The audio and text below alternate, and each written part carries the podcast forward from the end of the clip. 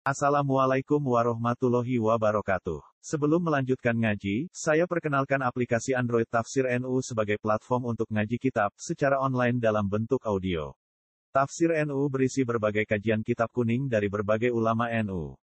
Silahkan download aplikasi Tafsir NU di Google Play Store. Link download ada di deskripsi. Wassalamualaikum warahmatullahi wabarakatuh. Bismillahirrahmanirrahim.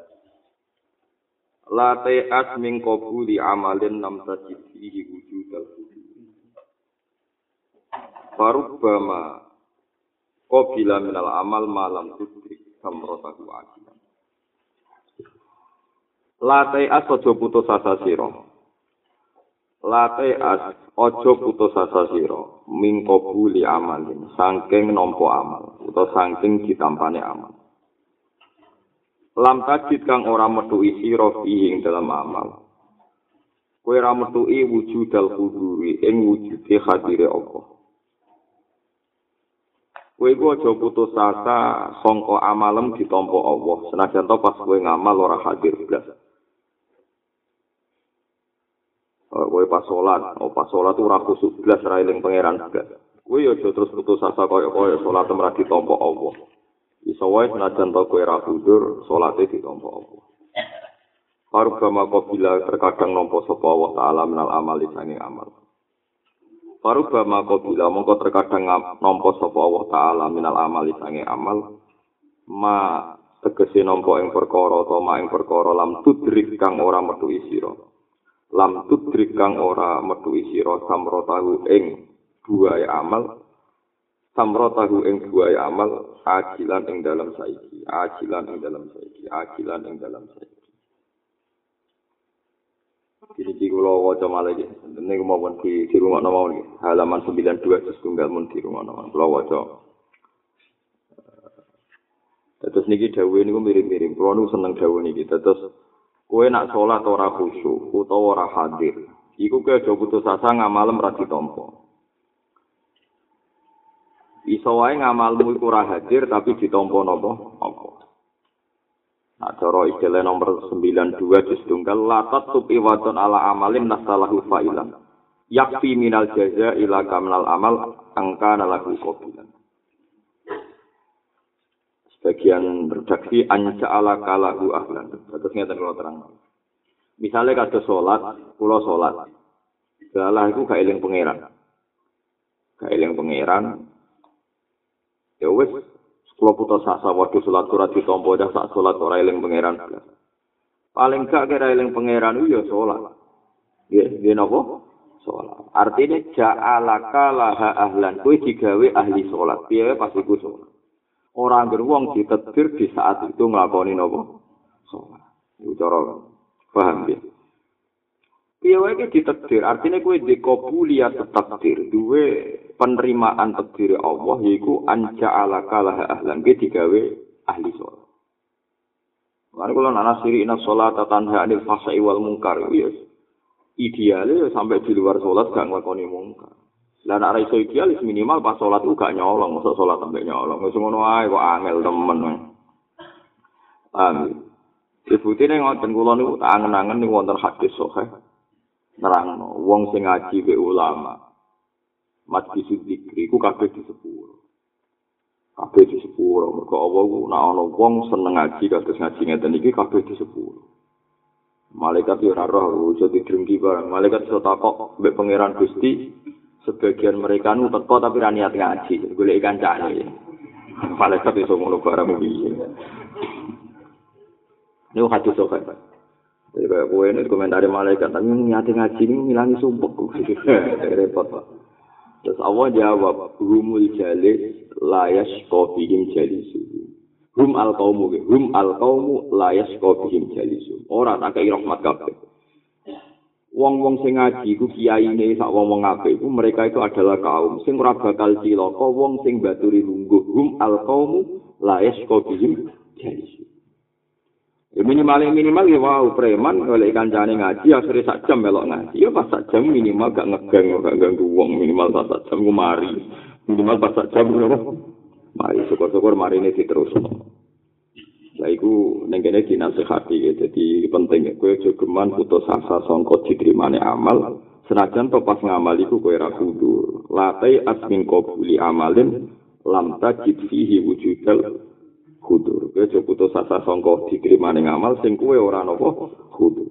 Iso wae Allah nampa ngamal sing kowe ora roh rasane saiki. Semoga hasil ngamal itu penting. Semoga ngamal itu penting. Minimal ketika ahli napa ngamal.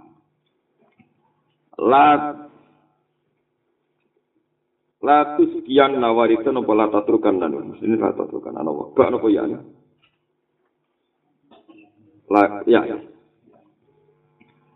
zakka yusaki la tu zakkiyan la ta'lamu samrata la tu zakkiyan na ojo bersihno sira ojo sok suci sira ojo nganggep suci sira la tu zakkiyan na ojo nyucakno sira Kowe aja nyucekno waridan ing barang sing tumeka ning atimu. Warid iku nur, nur sing tumeka ning atimu. Kowe wong hikam nak ngistilahno warid iku nur sing teka ning atimu. La tak lamu kang ora ngerti sira. Samro tahu ing buahe warid. Kowe senajan to atimu muka syafa, atimu lagi bener, aja kowe terus sok suci. Aja kowe terus sok suci. Fale samong ora ana apa almuradu apa sing dikersakno minas sahabati sanging mendung. ora sing dikersakno iku al imtara iku udan ya utawa al imtara iku mudani wonten semoco al amtara iku pira-pira udan di sami mawon wa inamal muradu ang mestine sing dikersakno min sanging sahabat iku wujudul asmari iku wujude pira-pira buah iki perbandingan terus ngaten Kue misalnya muka syafa, ngerti Ka'bah sangka kene. Kue muka syafa, ngerti alam malakut. Oh coba anggap suci. Nganti baru kayak muka syafa itu ono buai. Misalnya terus kita di wong sing tawaduk, sing seneng pangeran, sing macam-macam. Mergo nak ono mendung, itu ora penting udan itu ora penting. Sing penting itu sebab sangka udan. Artinya mendung ono udan terus bariku ono uang. Mendung ono udan terus ono ono wah wah dan ana mendung terus aja udan tok jebule udan salju malah ra karu-karuan to. Malah mboten karu-karuan. Paham ya? Kan yo akeh udan sing dadekno musibah. Kata ceritane kaum Ad. Kaum Ad niku tak ceritani sithik kaum Ad niku Ad berarti umat Nabi sinten Hud wa ila adin akhum Hudan kaum Ad niku umat Nabi Kalau nabi ini cerita, so kalau ngaji kan Yogyo tahunan lebih cerita. Kaum Ad niku kaum nabi sinten. Suwon nang pol be jenenge Ka'bah. Ya Ka'bah Mekah nang suwon. Jadi Ka'bah disenengi wong jahiliyah dan wa Islaman. Kalau tak teng kitab-kitab sepakat nonton di Ka'bah itu delalah disenengi wong nopo jahiliyah dan wa Islaman. Wong fasik ya seneng, wong soleh gitu nopo. Pak Sake seneng iso ngemeli ngomong ngambung hajar nopo. Aswa, KPIH ya seneng iso ngambil selisih, manasik, macam-macam. Lagi manasik itu sak juta rong atus. Iku nak kue untuk uang satu, itu wes piro. Wes sakit itu. Dan rong atus, wes Mau bayari kiai kon ngursus sama ni rong atus sewu. Seneng kiai ini seneng. Gawe simulasi kakbah paling kotak. ditutup mulai terus kemuli Ka'bah Tapi itu juga gede, awam butuh mana sih? Gue cuma ngeritik kayak wong awam butuh. Yang kayak mana sih butuh rezeki? Yo, gue cuma ngiran Kaum atiku, kaum Nabi Hud, yang yang. Angger Nabi ku mesti dimusuh wong soleh tandingan. Mulane hati-hati wong soleh. Angger nabi ku mesti di wong musa, wong di musa wong soleh apa tandingan. Lah mulai dhisik wong soleh ku loro. Ana wong soleh sing lurus ilang, wah ana wong soleh sing rondo oleng sithik-sithik. Dadi ana wong soleh dungane mandi. Ditamoni santri ora pati seneng, padahal dia soleh. Mergo sanam templek sithik. Tapi tak tamoni pejabat, tapi maju pilkada seneng ya ra karuan. Perkara salam templek gede. Alasan yang Islam sudah ibadah Islam. Ya ono soleh di sini. Mulai di sini ya ono ke gede. Nggak mau di sini ono. Tapi ya soleh. Zino ya mau demenan ya mau. Orang yang pangeran ya mau. Yang pangeran terus.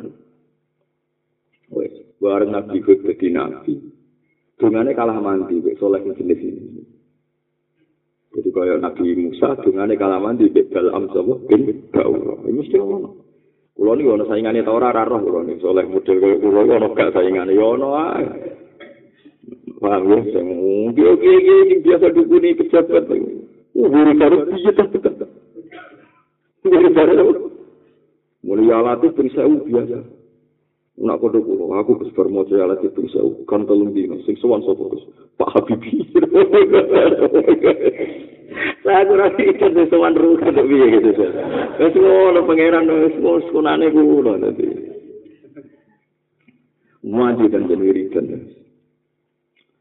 Sing jodoh sing ora ya ora. Nah, terus wong saleh iku macam-macam. Tapi soleh, mereka kudu hormat soleh. Apa menaiki umat kanji Nabi Muhammad ya, umat itu dan kanji Nabi Muhammad Sallallahu Alaihi Wasallam. Ini gak cerita sejurus umat kanji Nabi. Bareng Nabi Hud Nabi, wong dijak nyembah pangeran. Terus dijak ibadah, itu merasa keganggu, cek repotnya urip. Akhirnya Nabi Hud niku muring-muring. Bareng muring-muring Nabi, nek muring-muring ya muring-muring Nabi ya menungso. Jaluk adab. Bareng jalo atap pangeran ku ya seni ora langsung dikei atap jika ini boleh nyeke ini pas bareng kaum hud kaum nabi atap pengen udah. Paham ya lengi lengi enggak enggak sesuai dok cerita wes tenang. Kaum nabi itu lomo lomo yang mana yang soleh itu lomo lomo itu penting nyewa kiai wau kiai sing rontok soleh sing soleh orderan wo soleh nopo orderan. Iki mulai dhisik ana soleh nopo orderan. Jika itu kata kan dungo nang Ka'bah nandingi pasude nabi sinten? Jadi nabi ikut maksud ditandingi iktikaf ning nopo bisa ngoni sangon bareng tok Mekah tanggal demo mustajab urung tumibo Dene dibutuh konia, konia itu penyanyi itu mulai di sekunane kuno yo no tarian perut terus dangdutan yo no kus kunane kuno paham gue juga kaget nah saya gini waren terus no no apa terus no no jadi sing saya gini karya oh terus no Mulane disebut la tukrihu fatayatikum alal jiho in aradina tahassunal kita bedahu aradul hayatid dunia. Jadi di sini uang wong itu senengane itu dia cawe dok limo kondang hutan. Nak nong duit gawe kondang hutan, nggak terus gaji. Ya ono sing nganti di order sak ya ono sing ndang hutan tok. Pokoke walhasil kunane kuno itu wala tukiru fatayat fatayat cawe dok nom dipaksa nglakoni bigo bigo itu pelacuran ujung-ujungnya ya kok ditabdahu aradul hayatid dunia ujung-ujungnya itu boleh di Nek kok cetak kok. Quran yo bakas ngono yo bakas. Barang dunya barang dunya kabeh dibakas. Quran aneh. Saiki ana ngono iku yo ora aneh karek napa. Terus ana wong alim ora dunya apa iku tenang wis roh kabeh. Sing coba lo delok tenan yo roh ngono ae ora delok tenan. Yo ora apa ya tak gedung istighfar. Namno ketompo lali akhirnya. Barang lali wis eh, asik-asikan nyanyi penyanyi-penyanyi iku. Mendung teko. Mendung teko tok Yaman ireng. Jare wong Yaman falam maro auhu aridum mustaqbila audiyatihim qalu hadza aridum mumtiruna. Falam maro auhu aridum mustaqbila audiyatihim qalu hadza aridum mumtiru. Kaum Ad atau kaum Yaman ya, Ad saat ini napa? Yaman. Mulane Yaman darani Khadir Maut, darani kota mati, mergo kota sing tau disiksa, mergo nentang nabi sinten? Hud. Nah, jadi dia namanya Ahqaf, terus Ad, terus napa saat ini napa? Khadir Maut, terus saat ini napa? Yaman. Mulane makom Nabi Hud tunggu di Yaman, di Kholina, Saban. Salam. Bon. Jare kaum wah mandi dungane Pak Yai. Saiki ape udan. Atiku wis kekeringan saiki ape apa udan. Aridum mumtiruna. Mumtiru sing kata impor, manane napa?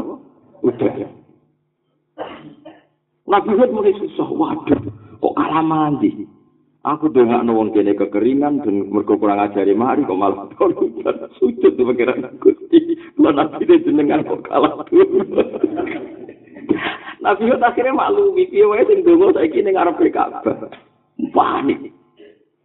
Akhirnya Nabi dikandani pikiran oh ora wong ora ning arep Ka'bah cek demenan sing situ. Sing soleh orderan iki cek cek demenan. Sesuai pas tengah demenan dealing lho sing wedok. Jadi mulai dhisik kabeh dihormati. Ya ora ning pikir kabeh demenane ning seputar kono ning seputar Mekah. Lho, jenengan mriki rak disewa kaum jenengan ke donga ngarepe Ka'bah. Kok malah demenan mbek kula sepundi kono nang donga. Donga wis kliwat. Lho, iya mulai dhisik wong wis kana wong wedok wis kliwat barang akhirnya. Akhirnya falam maro auhu aridu mustaqbila audiyadihim qalu hadha aridu mumtiruna. Audiyah jamae wadi. Ketika melikan delok mendung, mendung itu pas dhuwure no jurang ya audiyah jurang. Jadi wonge pede kok tak dongano udan, udan itu tepat sasaran. Jadi pas ning dhuwure jurang. Wong keramat-keramat itu. Qalu hadza aridu mumtiruna. Terus Dabuhud diwahyani pengiran bal huwa mastajaltum bi. Rihun fiha adabun alim tu tamdiru kulla shay'in bi amri rabbiya fa asbahu la yura illa mata kini jebule iku udan puting beliung napa udan puting Iku kena gue cerita, jadi wong wajah geman gedeng wong dolim nemen-nemen. Perkara wong dolim lah mesti di andalan wong sing dungane mandi. Jadi dari pangeran tobat. Paham ya? Nabi Musa disaingan sinten Balam bin Nabi Musa kekasih pangeran dipasut nobel am iso kalah. Mubang ning gone ora roti. Pedok Israel gak tok muter. Israel gak tok muter. Nabi Musa nak dibutrek tuko. Gusti kula ning nabi jenengan kok bingung. Gak terima. Jadi pangeran aku itu profesional sama Musa. Angger wong donga nganggo ismul azam tak semadani senajan to korbane kuwe wong piye sing ndongakno kuwe kuwe nganggo ismul Aku jajar pengiran itu, aku profesional, aku anggur nganggur tunggu itu ya tak sebadan. Korbannya itu ya Allah. Gak repot tapi. Mulane bedeni wong ngabang-abangan sing tirakat. Wong tirakat itu dungane mandi. Wong abangan ya kuat lesu. Ya ini saya ini jadi jadi acara mangan mangan, yo mandi nanti pasut nong kalah nopo tirakat. Mau aturan ini bawa ngerti tirakat mandi. Akhirnya Nabi Musa sujud gusti dihaki ani kali muka wa sofiuka. Kalau dia dulu pakai ismul adam, sekarang saya matur gusti. Kulo ini kekasih jenengan, nabi ini jenengan, nabi yang paling sering jenengan jak dialog kali muka. Bal amil ojo ini sederhana diambil suul khotimah lan ilate merah. Nabi Musa piye dipasut nomor bingung males suul khotimah Nabi Musa wah parah. Tapi iku ora dibenerno utawa ora di syariat kanjeng Nabi Muhammad sallallahu alaihi wasallam. Dadi kayak kudu pasutan kaya Nabi Musa, Nabi Nuh gak berlaku kanggo umat kanjeng Nabi. Mulane Nabi Muhammad niku ora oleh anut Nabi Nuh. Ya mau kon ngidolakno tapi ora oleh Kau syariat Nabi Nuh Rabbi la tagar alal ardi minal kafirin napa kaya. Mulane dari ulama-ulama tafsir Nabi Muhammad pas Mi'raj itu ketemu kabeh Nabi Ulul Azmi kecuali Nabi Nuh. Jadi ulama tafsir mergo ora pati cocok. Tapi kok gak malah gak cocok kan ada. Nabi Muhammad itu saking sayangnya niku nak roh wong kafir, apa dihitung kepi gunung dari kanjeng Nabi. Ojo, iso wae bapake kafir anake Islam, anak iman, Allah mati kaum fa innahum la ya'lam. Nabi no ora metodene metode Rabbil Tazar alal ardi minal kafirin ana apa? Kaya mulane Nabi Muhammad pas Mi'raj itu ora dipethukno Nabi sinten? No, jare ulama-ulama itu mergo ora pasti napa? Cocok daripada nggo debat. Bingung kan perkara ini beda napa? Beda napa? Metode, metode dakwah. Jadi sekunane kuno. Nah, mulane Nabi Musa ya maksud no, Nabi Nuh maksud no. Tapi Nabi Muhammad buatan nate nopo. Niku apal dungane fakih mukaddam. Fakih mukaddam alim-alim saya triyen niku ning abad pertengahan sini fakih mukaddam. Nak donga hasil Nabi Muhammad. Allahumma qulna wal muslimin minasyaqwa ila sa'adah wa minal adab ila rahmah wa minal maksiyah ila maghfirah sampai terus. Waktu wong Islam didongakno. Iku sing syariat kanjeng Nabi Muhammad nganti saiki nganti ila yaumil ya. Ana bapak nakal cinteni anake, kok anake nakal cinteni putune. Nom nakal cinteni tuane, tuwa nakal cinteni matine, pokoke walhasil iku ora dibasut. Ora nopo? Dibasut. Jadi paham ya, ora iso ana ana mendung pentingnya udan. Nah ana mendung nak pancen apik, sing pentingnya iku udan sing ngasilno napa bu? dua. Jadi nak ono wong makrifat keramat, iku ora penting keramat. Sementing nak sausi ke keramat itu sejauh mana ke ngelakoni perintah Allah Subhanahu wa taala. Mane wong istiqomah nglakoni apik iku luwe apik tinimbang sewu napa keramat. La tatluban nabako alwaridan itu diterusno. La tatluban aja goleki temen sira bako alwaridati ing tetepe waridan. Waridat wae. nur-nur sangka Allah taala, nur-nur sangka iku iku waridat. Kuwe nak lagi keramat terus atimu muka syafala tatubana aja golek temen sira bako alwaridati ing tetepe pira-pira waridat. Anta satot ing yen to gelar apa waridat anwar ing pira-pira nure waridat. Wa audaat lan ninggalno apa waridat asraraha ing pira-pira sirri-sirrine waridat, rahasia-rahasiane waridat. niku makom yang dhuwur. Fala kamangka kedue sira fillahi ing dalem Allah. Fala kamangka iku kedue sira fillahi ing dalem Allah. Ya Allah tenan sing pangeran iku Rabbul Alamin. Allah tenan sing lahul asmaul husna. Ghinan utai semuge angkul lisain sangking apa wae. Mane wali ana wali amatir, wali pintu. Mane ulama wani ngritik wali. Perkara ulama wis dhuwure wali iki. Saiki ulama iku ora keramat. Dadi Jadi ngeten kula terang. Misale kula niku wali anyaran. Wali anyaran dikai muka syafa. Dilala moro Ka'bah sak kedepan tok napa? Ka'bah. Sak kedepan tok Ka'bah iso wukuf ning Arafah. Yo wali wong kok kramate ngono yo wali. Suatu saat, misalnya saiki dina Selasa ngono.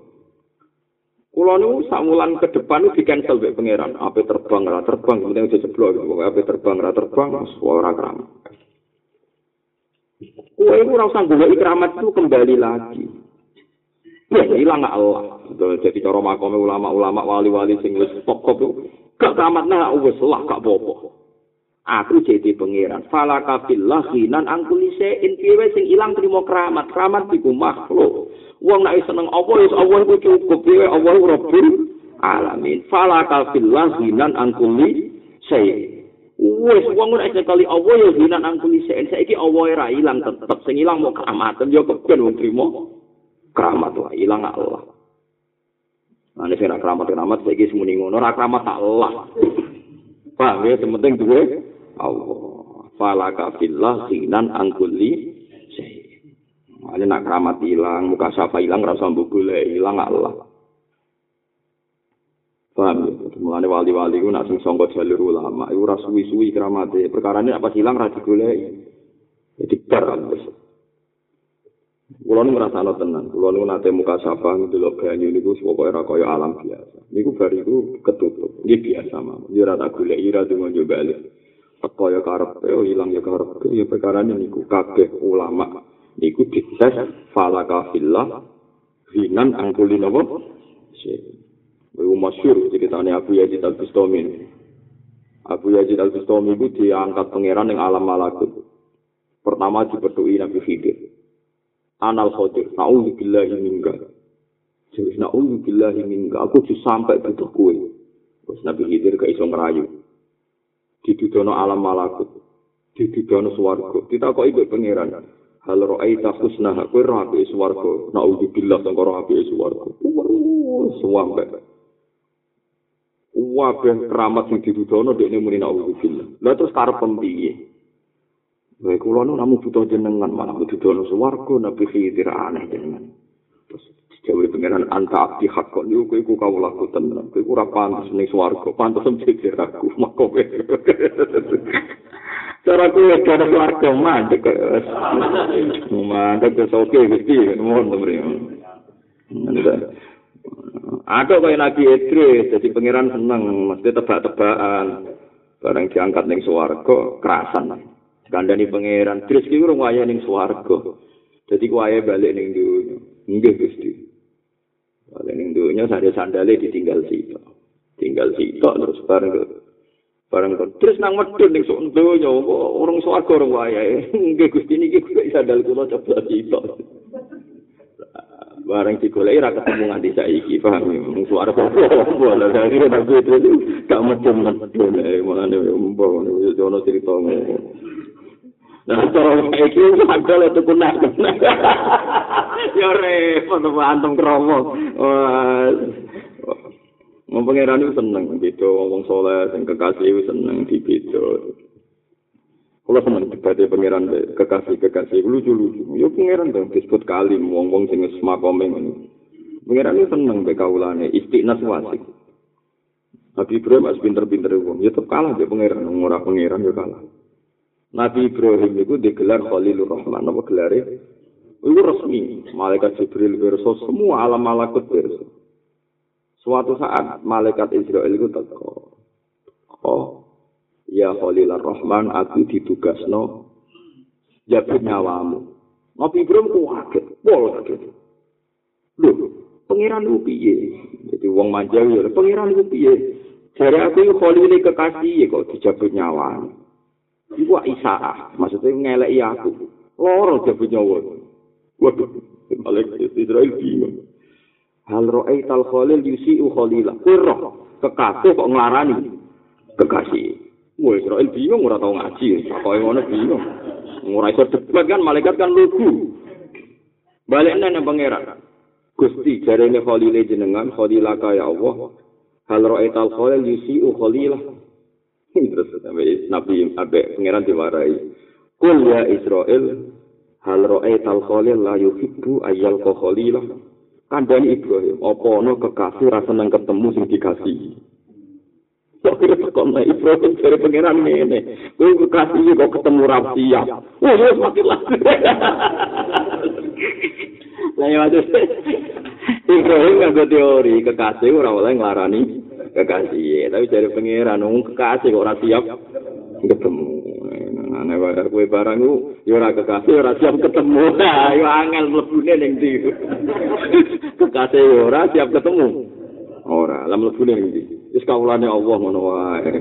Falaka billah binan angkuli sae. Wis makome wis falaka billah binan kapalo makome falaka billah binan angkuli ora keramat, wis gak keramat-keramatan. Allah tok wis cukup.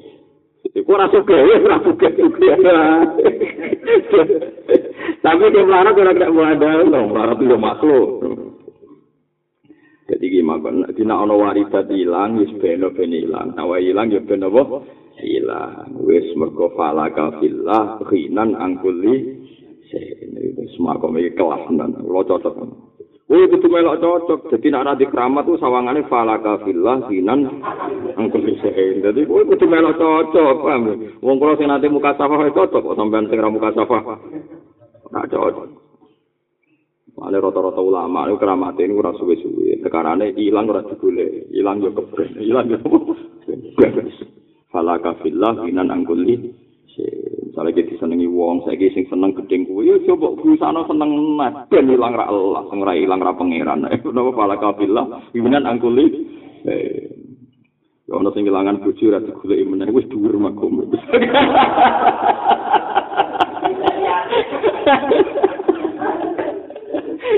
Wis pakome para kafirlah dinan angkul wis. Jadi apa lo Soalnya ngaji hikam ini pas dulu hijau celeng-eleng. Soalnya ngaji dulu hijau ada keterangan falisa billah, falaka billah, hinan angkul Sapa lo falaka billah, hinan angkul falaka billah, hinan angkul Sawale salan ora ana iku yuhni kau nyemugihno ka ing sira anhu sanging Allah apa seun perkara.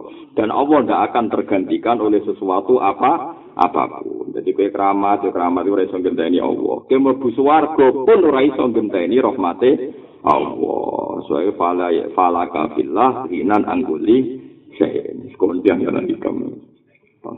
Ada sing keramat-keramat iku kudu nyekel iki. Kenapa ora keramat? Fala kafillah ina nangkul bisa. Kena apa ora sugih falaka fillah inan angkuli. Kena apa ora jabat falaka fillah inan angkuli. Kena apa kowe ra santri duwe pengaruh falaka fillah inan angkuli. Wis kodang apa. Wis bingung ana dalile. Tatol uka, tatol uka ila bako iwiri. Dalil ini cek bakas keramat. Tatol uka ala bako iwiri. Dalilun ala adami wujudani kalah. Masya Allah. Tatol uka utawi oleh nginceng-nginceng siro, oleh arab-arab siro. Tatol u ndelok-ndelok ambil arab-arab. Itu jenis tatol. Nah, tomak itu arab-arab jika iwong. Tatol itu songkok kata tola aitilah itu ndelok-ndelok. Tatol lu uka utai oleh delok-delok siro, arep-arep siro ila bako iwiri, maring tetepe liyane Allah. Misalnya kayak keramat, kepengen keramat itu ono terus. Misalnya kayak suge, suge kepengen ono terus. Misalnya kayak santri ake, kepengen santri ake itu ono terus. Iku dalil, iku bukti, atau dalil ala adami wujudanika. Yang atasnya oleh ora metu isiro.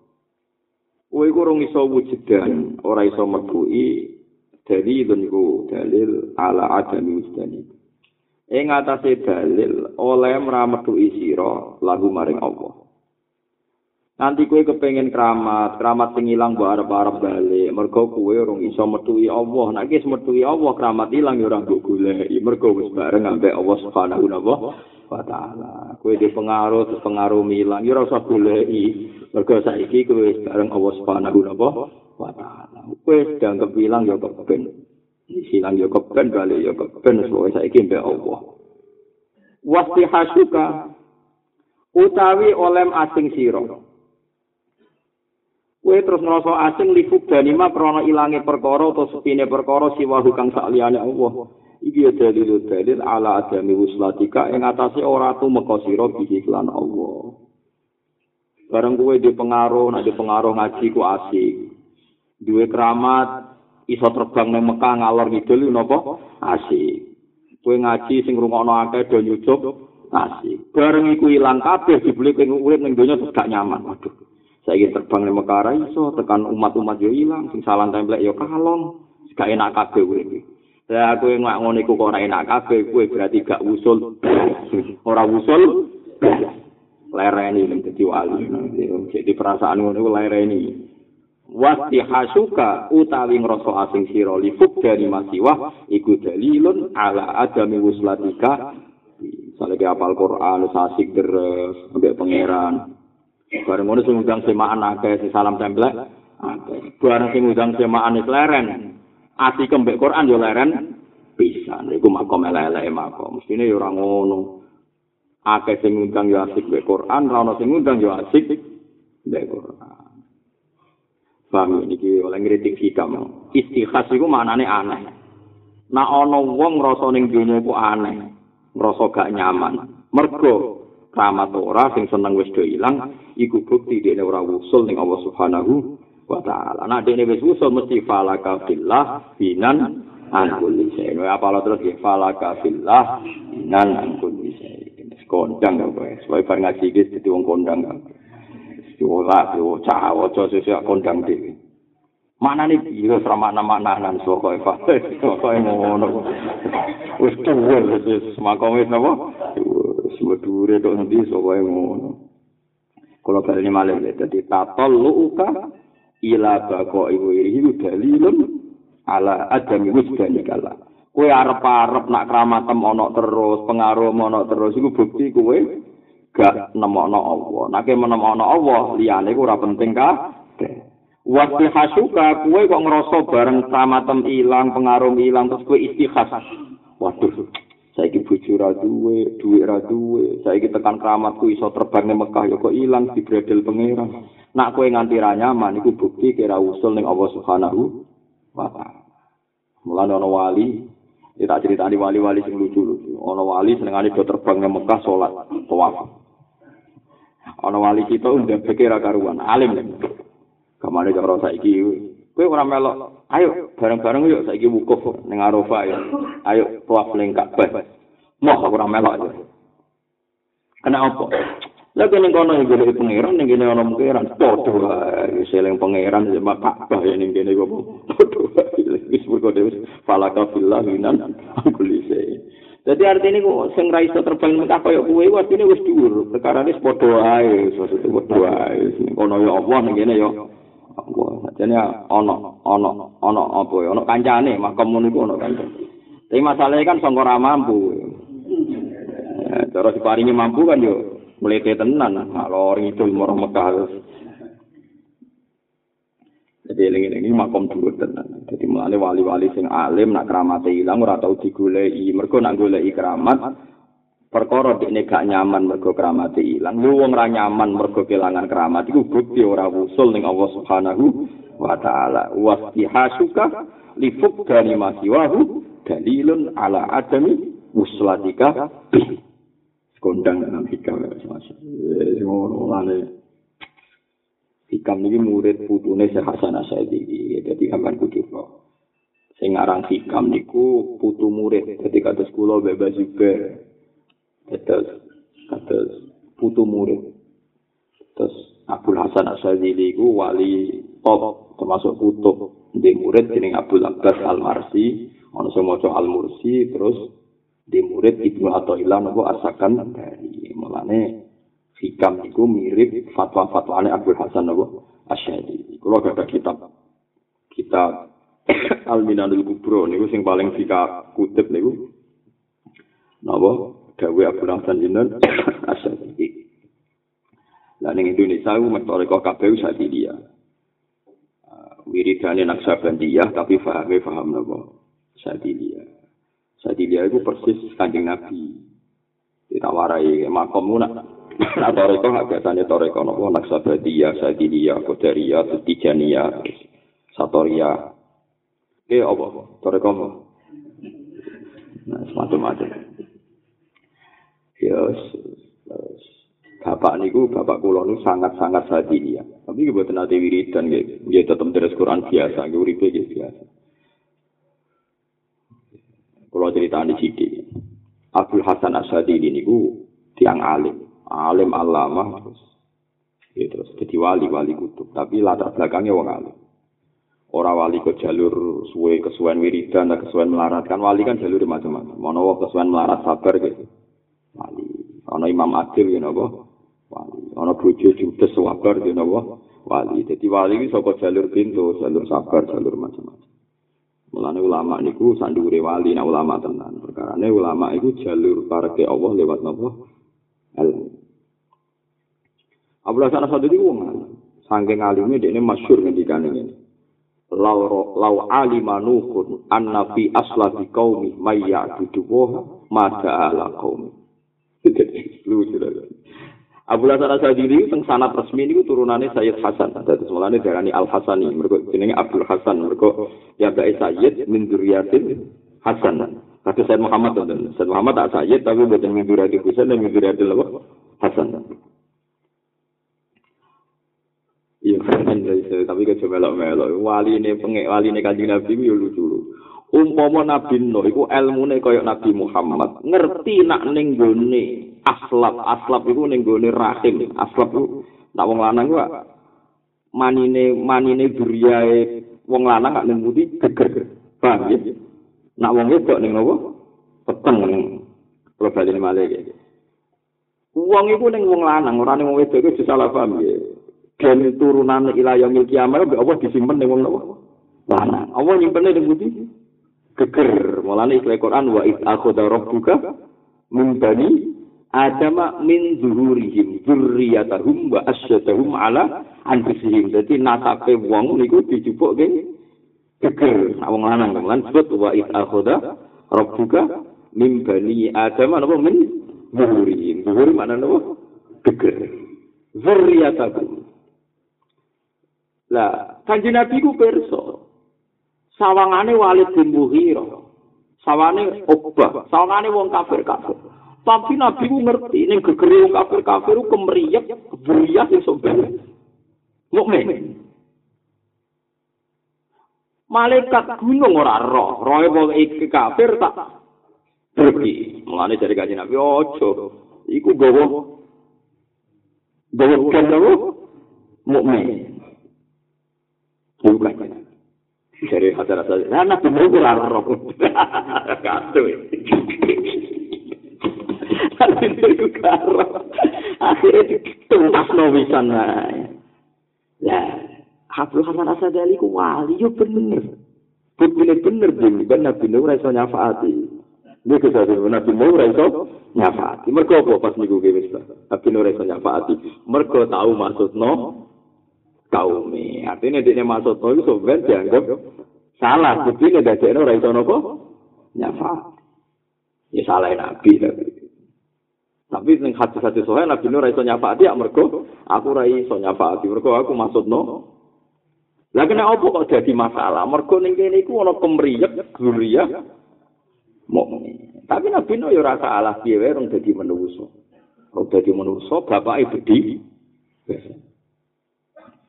Mulane jare jare Abdul Hasan Asyadi ini umpama Nabi Nuh iku roh apa sing digawa aslab aslab dhuwur wau mesti ora napa dibak. Lah Nabi Muhammad iku pirsa. Mulane ketika malaikat Jibal muni ape ngrungkepi wong Mekah, lho ka aja ngono bal arju ayyukhrija wa min aswaqihim may ya'budu wa la yusyriku bihi syai'an akhire tenan. Abu Lahab duwe anak alim jenenge Ikrimah. Abu Lahab duwe anak wedok wayu jenenge Darok. Niku pintere ra karuan. Padahal anak iki pinter. Abu Lahab. Pinter. Melo hijrah ke Medina. Sayyidina Ali seneng sanane.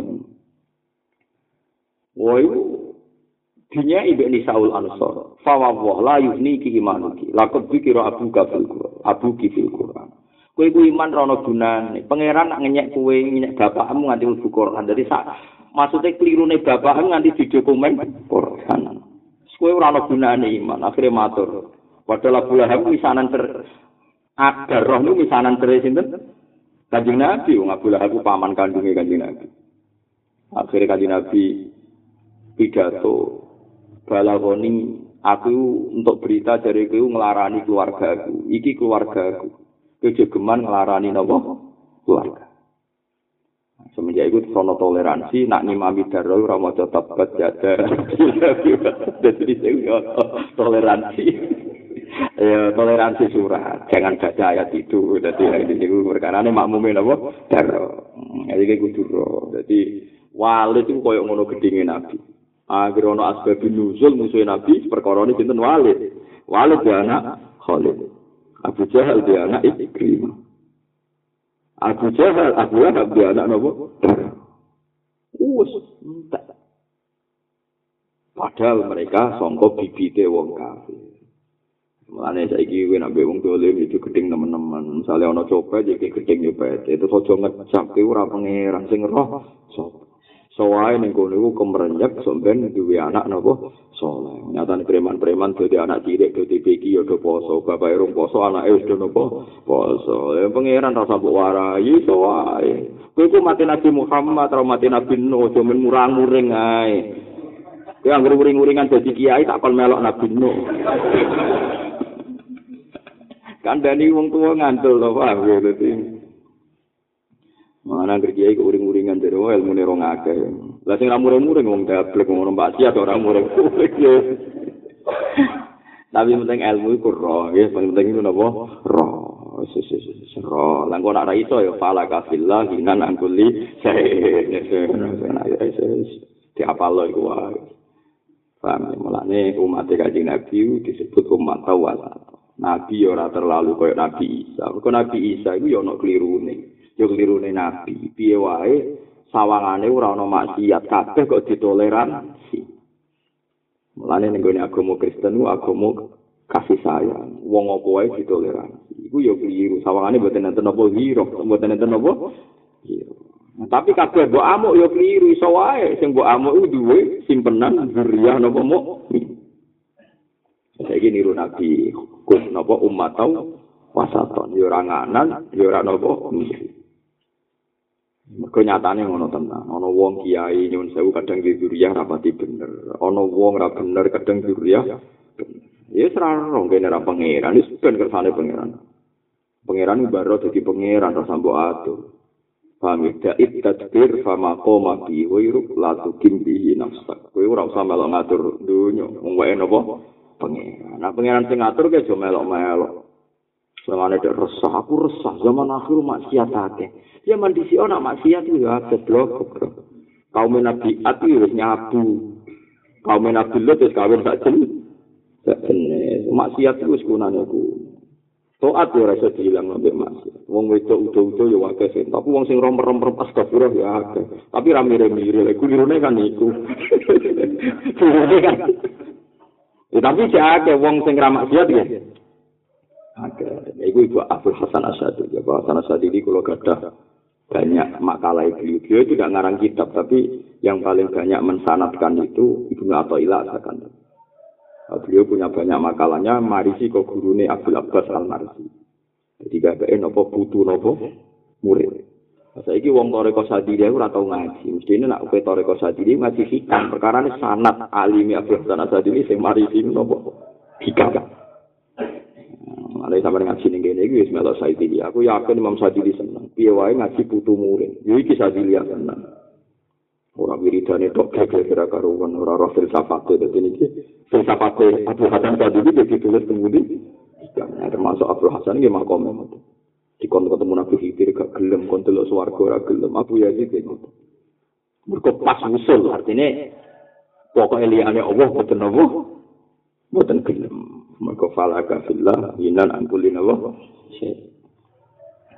An-na'im wa intana wa atmazawiru inna ma huwa li syuhudi wa qtirati. Wal azab wa intana wa atmazawiru inna ma huwa li wujudi hijabi. Fasababul azab wujudul hijab wa itmamun na'im bin nazar ila wajihil kar. Ini makome hikam. An-na'imu te pira-pira kenikmatan. An-na'imu te kenikmatan, to pira-pira kenikmatan.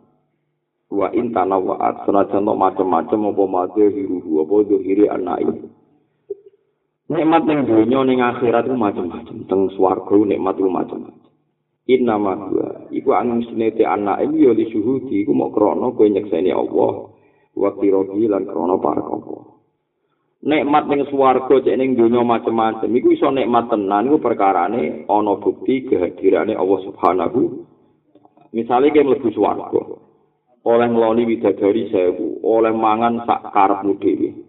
Terus kowe krungu kabar nek apa ora rido, ora ana gunane kabeh. Ora ana napa gunane?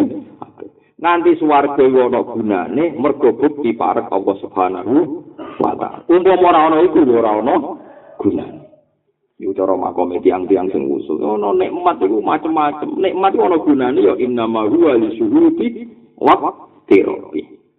Lawal azab mute siksa wa intana wa asna contoh macam-macam apa madhir wa bodhir adab inama wa angsinati adab ya mergo wujudi hijab krana ana hijab sangka Allah Subhanahu wa taala Neraka larane ra karuan, wong digunting, wong ditutuki, wong diobok. Lu nganti repot ngono iku mergo kowe adoh sangka Allah Subhanahu wa taala. Jajal ke mlebu neraka lah terus ana kabar Allah ridho.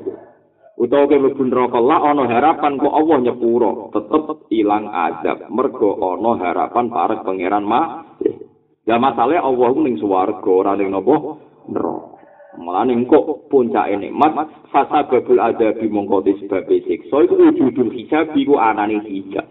Perkarane wong ning neraka berarti hijab sangka Allah Subhanahu wa taala. La wa itmamun naimi utai sempurnane nikmat iku bin nazari kelawan ningali ila waji maring zati Allah al karim kang agung to kang mulya.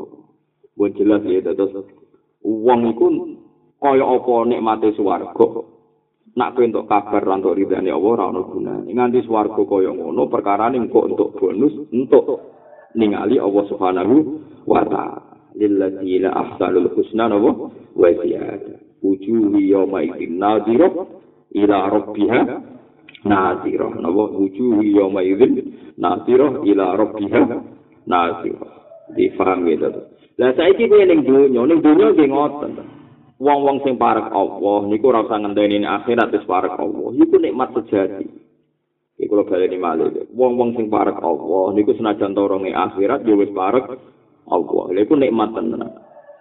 Mulane jarene Abu Yazid Al-Bustami, An-nar al-ghafla asyaddu minan nar. Apa al-ghafla asyaddu minan nar. Diparingi lali pangeran luwih dahsyat tinimbang mlebu neraka. Ya diparingi lali pangeran luwih dahsyat. Timbang Umpama dia mlebu neraka terus eling pangeran, Allah iki mirsani kuwe iku jek aman. Piye-piye Allah jek eling kuwe. Lara-larane ning neraka nek is Allah ngitopi fal yauma nansakum kama nasitum liko ayomikum. Wis lara-larane wong ning neraka. Wis ning neraka disiksa, Allah ngumumno aku lali kuwe, kaya kuwe lali aku. Ya wong kok diperhatekno sing duwe neraka. Lah nek mlebu neraka terus iki diomongi, "Kan neraka sik yo, engko kapan-kapan tak jupuk. Aku cek eling kuwe, tetep ayem." Mergo koyo dimonitor, nggih koyo napa? Dimonitor, dikontrol. Lane saiki donga faskuruni napa? Askurku mane tak ijazah iki nek ning neraka aja lali-lali nyebut Allah. Piye-piye kena dilaleni malah bar. Paham ya? Jadi mulane lara-larane azab itu fal yauma nansakum kama nasitum liko ayaumikum lagi wa makwakumun mulane dari Abdul Hasan lara-larane dunia iku nisya napa? Nisya. Bagi lara-larane dunia napa? Nisya. Ning akhirat lara-larane napa? Nisya. Kaya opo larane wong mlebu neraka diumumno nek Allah gak merha? Tekno. Mesti Allah lali mboten berarti. Yo ora tenan. Nak pangeran wis nglalekno dekne, kan gak mungkin ana instruksi dilebono swarga. Wong malaikat malik yang nunggu perintah pangeran, malaikat Zabaniyah yang nunggu, jebule Allah gak bakas. Lah nek kowe mlebu neraka kan dadi bekas bakas. Tahu sujud, dia tahu ngaji, tapi kudu neraka bedike. Nggak jebril turut malik Gusti ngombe sampun urung bedike sik ana. Kan tapi kan bekas bakas. Lumayan kan? Sesuai kan hasil bakasan itu kan. Terus saya ya apa? Pintar. Lah nek ora dibakas blas.